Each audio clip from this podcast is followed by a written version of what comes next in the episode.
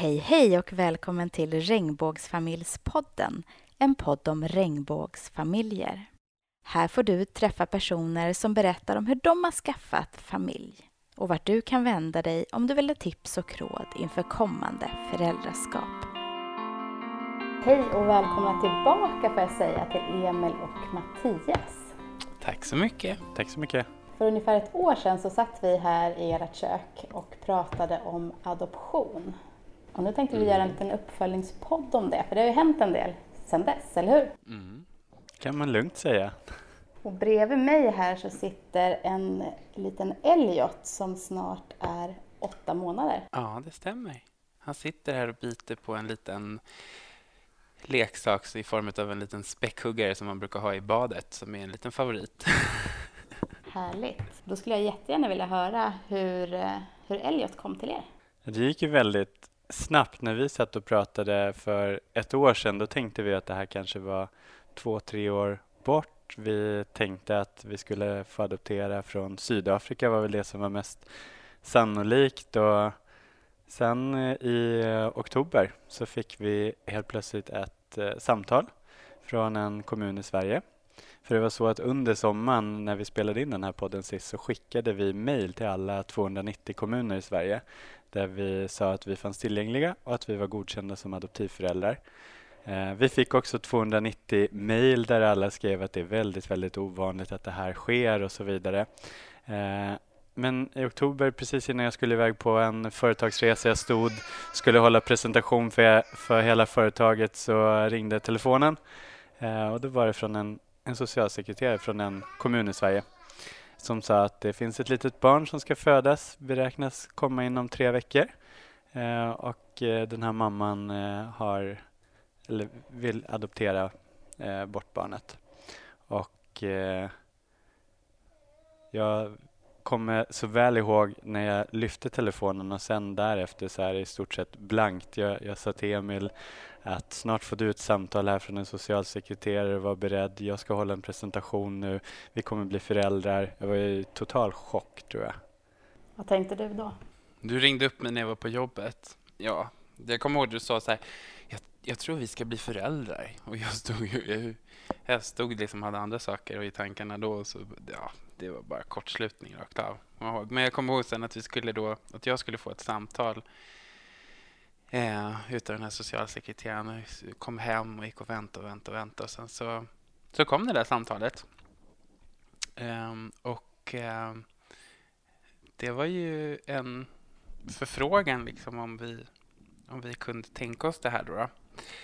Eh, och det här upplägget. Eh, det var ju som sagt adoption från, från start men också att han fick, att vi, han fick komma till oss direkt och inte bli placerad i någon i någon jourfamilj. Och det var torsdagen, på en torsdag och på tisdagen så, så träffade vi eh, två stycken socialsekreterare. Den som ringde och en till. Och eh, gjorde de praktiska, den praktiska planeringen inför att han skulle födas. Mm. Det som var så konstigt också var att jag reste ju bort flera hundra mil den torsdagen så vi träffades Nej. först på, på söndagen och liksom han pratade om det här. Så vi var lite i chock fortfarande båda två och fick vara på varsitt håll innan det, det landade. Ja, precis. Både vi och våra föräldrar och nära och kära som vi berättade för då. Um, sen så, det här var då torsdagen vi fick samtalet. Tisdagen efter så kommer de hit. Vi, gör, uh, vi pratar lite praktiskt och vi få veta lite liksom, om, om situationen. Eh, och sen så tar det 12 dagar, en vecka efter den där tisdagen, men totalt 12 dagar från att vi fick reda på det, så kommer ett samtal att nu är det dags att åka till sjukhuset. För nu är verkarna igång. Och hur var den chocken? det var ingen chock riktigt. Vi, vi hade ju, helgen innan han kom så så var vi i London, en planerad resa sedan länge, en födelsedagspresent till mig av utav dig.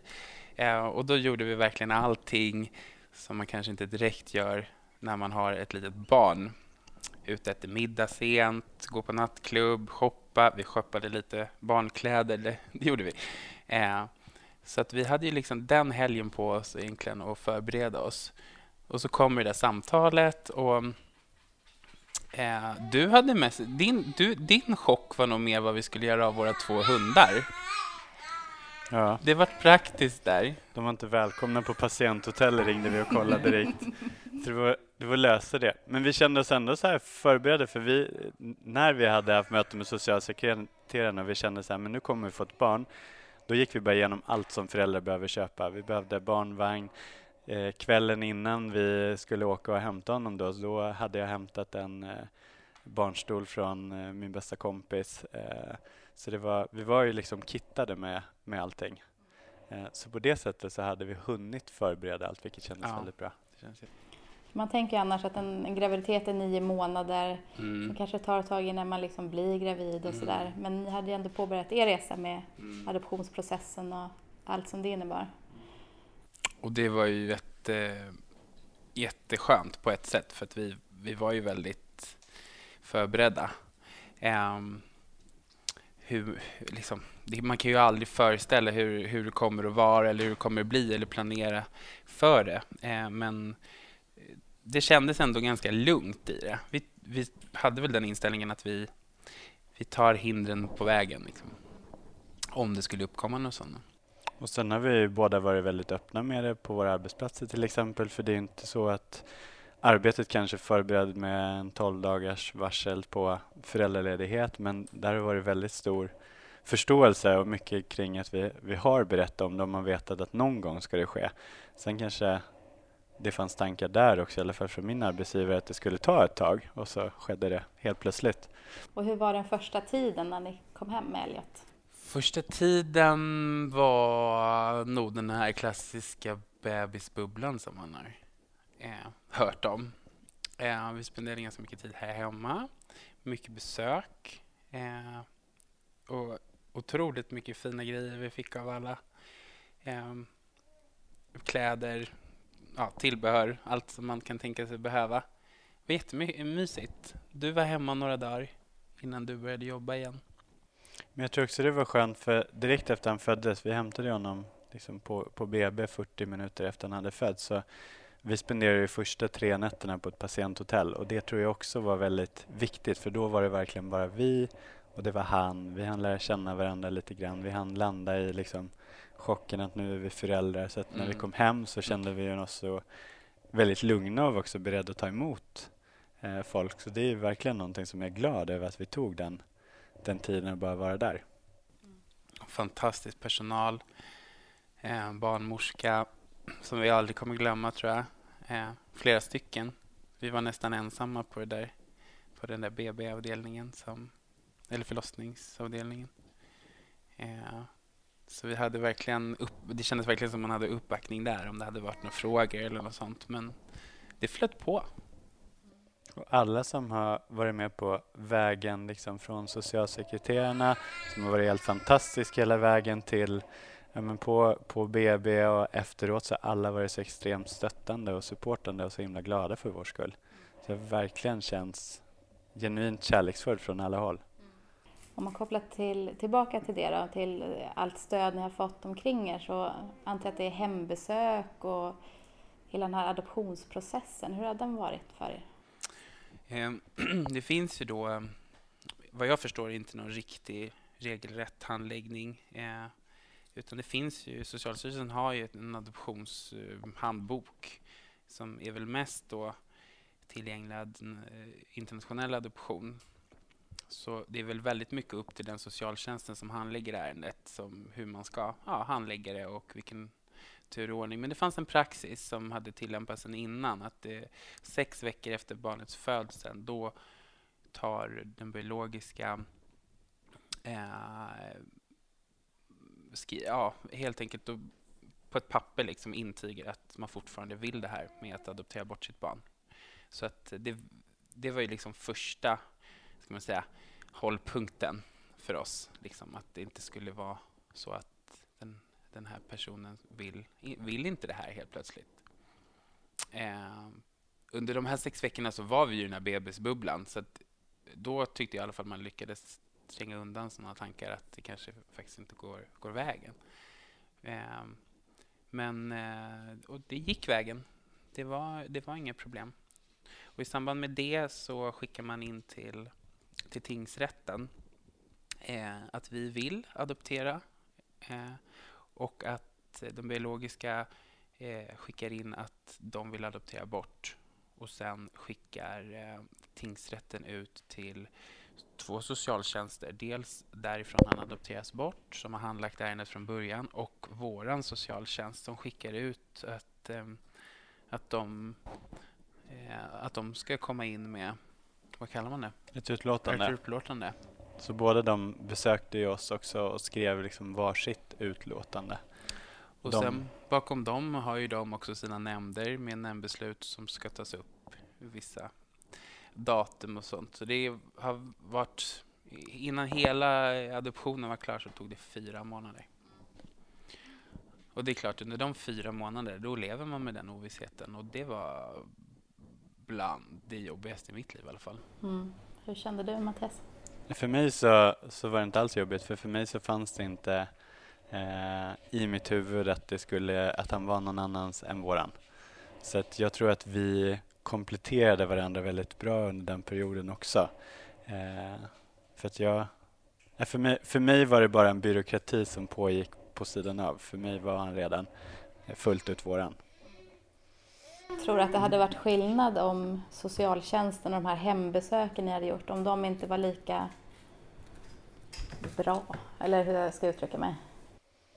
Ja, alltså, jag, tror att det hade, jag tror att det hade varit en skillnad om det hade varit personer som kanske var där det hade skinit igenom, kanske att man var negativt inställd eller mer frågande till att det var två killar eller så vidare. Men det känns verkligen som att alla genuint velat att vi ska lyckas. Eh, det, det har det verkligen känts som. Mm. Hur eh, hanterade du den här ovissheten? Och... just den här känslan av att han är våran eh, från början, den har jag aldrig tvivlat på. Det är ju den som har varit det jobbigaste. I efterhand så har jag liknat det med en sjukdom. Att han skulle ha en sjukdom han inte visste om han skulle överleva. Ungefär så, så kände jag. Eh, eller kan tänka mig att det känns. Eh, nej, men det är när man tittar på honom och man får en, ett kärleksbevis tillbaka. Eh, tittar han i ögonen och, och bara att han lyser upp liksom så man, så man kände att det verkligen är att det är vi liksom, vi tre. ja, du är med här på ett hörn. Ja, han håller Ja. med. Ja, precis. eh, men nej, men det var ju inte så mycket att göra. Det var ju bara att vänta och, och så. Om man backar tillbaka så skickade ni eh, ansökningar till alla kommuner i Sverige, vilket jag tror är ganska ovanligt att man gör. Utan man tänker att den enda chansen är att skicka de här ansökningarna utomlands. Hur resonerade ni där?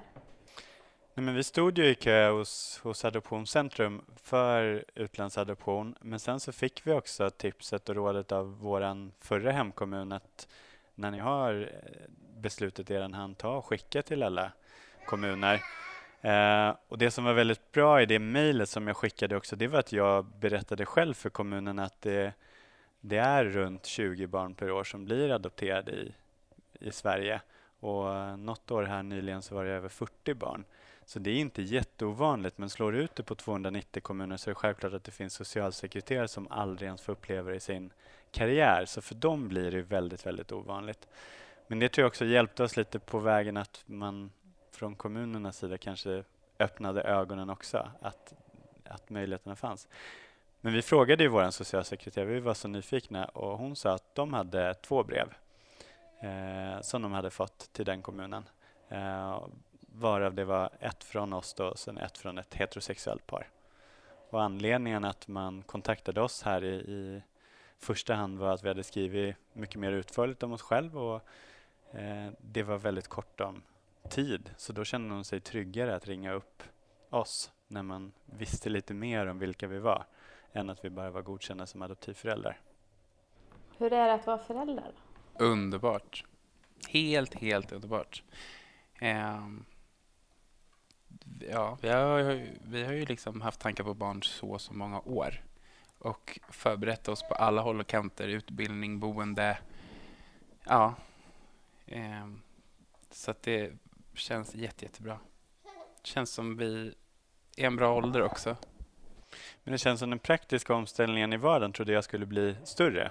Eh, det var inte så stor omställning att, att få barn, liksom praktiskt hur livet fungerar. Vi har kunnat fortsätta göra saker. Elliot har varit ute och rest väldigt mycket och han har liksom sett redan stora delar av, av världen. Eh, vi har kunnat vara ute och äta middagar, vi har kunnat umgås med vänner väldigt spontant. Alltså allt det fungerar. Vi har kunnat fortsätta träna, göra de sakerna som är viktigt för oss. Men känslomässigt var jag inte beredd på omställningen eftersom jag hade de här pappadagarna och sen så skulle jag tillbaka till mitt jobb. Då kommer jag ihåg att jag första tre dagarna bara kände så här, vad gör jag här? Vad är meningen med att jobba? Det enda jag vill är att vara hemma just nu. Och den omställningen var jag inte riktigt redo på. Men det tog någon vecka och sen så kommer man in i att men det här är ju det här är också en del av livet och man, man börjar uppskatta sitt arbete igen också. Men man är ju lite snabbare hem på dagarna och eh, lite mer effektiv när man jobbar. Hur kändes det för dig första dagen när Mattias lämnade dig med Elliot här hemma själv? ja, men det var väl lite ovant. Eh, det, men det kändes helt okej. Okay. Eh, jag tycker mer det var den här läskiga känslan första gången man går ut med vagnen helt själv. Det var väl bland de dagarna när du började jobba, tror jag. Den var väldigt speciell, liksom. När man alltid hade haft någon med sig annars. Ehm, men man kommer ganska snabbt in i det. Jag tycker det, i alla fall. Man blir väldigt mycket mer praktisk. Ehm, man kommer knappt ihåg hur livet var innan just med, med sådana saker. Man gör lite flera saker på gång hela tiden. Tvätten, maten, tankarna. En, ja, man planerar lite längre fram hela tiden. Men sen märker man ju att man får, ju, man får bygga in en flexibilitet i livet. Vi var med två av våra bästa vänner på en, en resa till USA. Eh, i mars, så då var han ju inte så, så gammal. Men det var en resa som var bokad innan och vi är väldigt glada att, att de accepterade att det var ett nytt läge. Eh, och det gick ju väldigt bra, men då var det en dag specifikt där vi hade gjort väldigt många aktiviteter och han hade åkt i barnstolen och ut från barnstolen, hade somnat en stund, han hade vaknat och så hade vi precis kommit till hotellrummet, vi hade suttit fast i bilköer och så var det typ en halvtimme och så skulle vi iväg för att vi hade bokat middag på en restaurang. Eh, och då var det verkligen, och då hade han precis somnat igen. Och då var det verkligen så att vi kollade på varandra och vi bara, men ska vi verkligen åka? Alltså man kan inte planera livet på samma sätt som man gjorde tidigare utan man får vara betydligt mer lyhörd och är det så att han helt plötsligt inte mår bra eller är väldigt trött då, då får man liksom kanske ändra sina planer. Och sen, sen dess, det, har vi, det var väl första gången vi kände så och sen dess har vi levt lite så. Mm. Man får planera in lite mindre i livet. Och, men å andra sidan öppnar det upp för mer spontanitet för det kan ju vara dagar där det går jättebra och, och, och det funkar. Om man tittar på föräldragrupp och den typen av aktiviteter, är det något som du har? Mm. Um, innan vi kom hem från sjukhuset så ringde jag och skrev in mig på, eh, eller skrev in oss på eh, Mamma Mia eh, Söder där vi har en helt fantastisk barnsjuksköterska. Så att jag tror att Elliot var ungefär tre månader. Då blev vi... Var du det? Pr pratar jag sanning nu? Um, när vi blev inbjudna till en föräldragrupp. Uh, så då var vi på första träffen. Eh, och eh, det var ju mest eh, mammor då. då som, som var i den här gruppen. Och den första, jag kommer ihåg första träffen handlade ju mest om själva graviditeten och hur det hade varit efteråt och sådär. Och eh, relationen med barnet och så.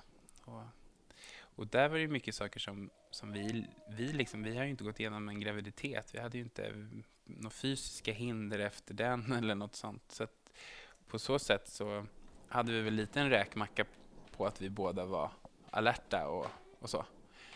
Eh, och att Elliot har varit otroligt duktig på att sova. Så vi har också fått sova. Ja, ja, säger du. Ja, ja. ja det, är, det är första frågan man får när man berättar att man har fått barn. Så är det så här, ah, men hur är det med nätterna? Får ni sova någonting? Och där är det nästan provocerande att, att svara på det, för vi har ju haft liksom fantastiska nätter sedan start. Eh, så det har verkligen inte varit något problem. Och nu får vi sova han sover elva timmar i sträck på nätterna så att nu är det snarare så att man vill att han ska vakna på morgonen. Ni får ta igen det sen i tonåren. Det kommer komma. Ja. Vi, är- vi är medvetna om det. Vi är väldigt ödmjuka Ja. inför det här. Härligt.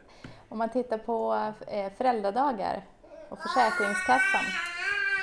Eh, Försäkringskassan har jag varit väldigt mycket i kontakt med. Eh, det första vi fick höra var att man skulle kunna få föräldrapenning eh, som eh, man innan adoptionen var klar så heter det ju att man är familjehem. Och eftersom det här var hela tiden tänkt att, att det skulle bli en adoption så, att, så skulle det kunna gå igenom. Men vi fick nej hela tiden från, från Försäkringskassan fram tills dess att han var adopterad. Så att vi fick ingen möjlighet till, till föräldrapenning förrän förrän efter fyra månader. Efter det datumet som tingsrätten hade klubbat igenom att vi var vårdnadshavare. Eh, det känns som Försäkringskassan, det var ju en, man kan ju aldrig få prata med en och samma, utan det var alltid att dra samma historik varje gång man ringde dit. Så det tyckte jag kändes väldigt tråkigt. Liksom. Mm. Ehm, och alla svarade liksom lite olika. Så. Men summan av kardemumma var i alla fall att, att vi fick vänta fyra månader innan vi fick föräldrapenning. Mm. Och det hade ju underlättat betydligt mer om vi hade haft en personlig handläggare. För direkt man sa adoption, då tog de för givet att det var från utlandet Ja. och då ser det lite annorlunda ut jämfört med när det var en svensk adoption. Och det var verkligen att vi fick dra om ärendet om och om igen till varje ny person och alla gav oss lite olika besked. Mm.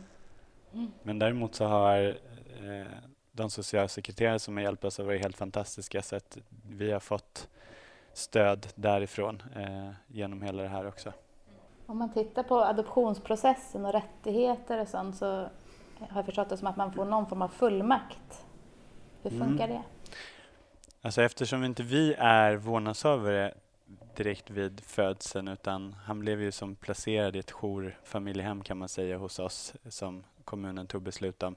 Eh, så var vi tvungna att ha fullmakt på om vi till exempel behövde uppsöka sjukvård med honom eller om vi behövde som vi gjorde åkte utomlands eller åkte iväg med honom.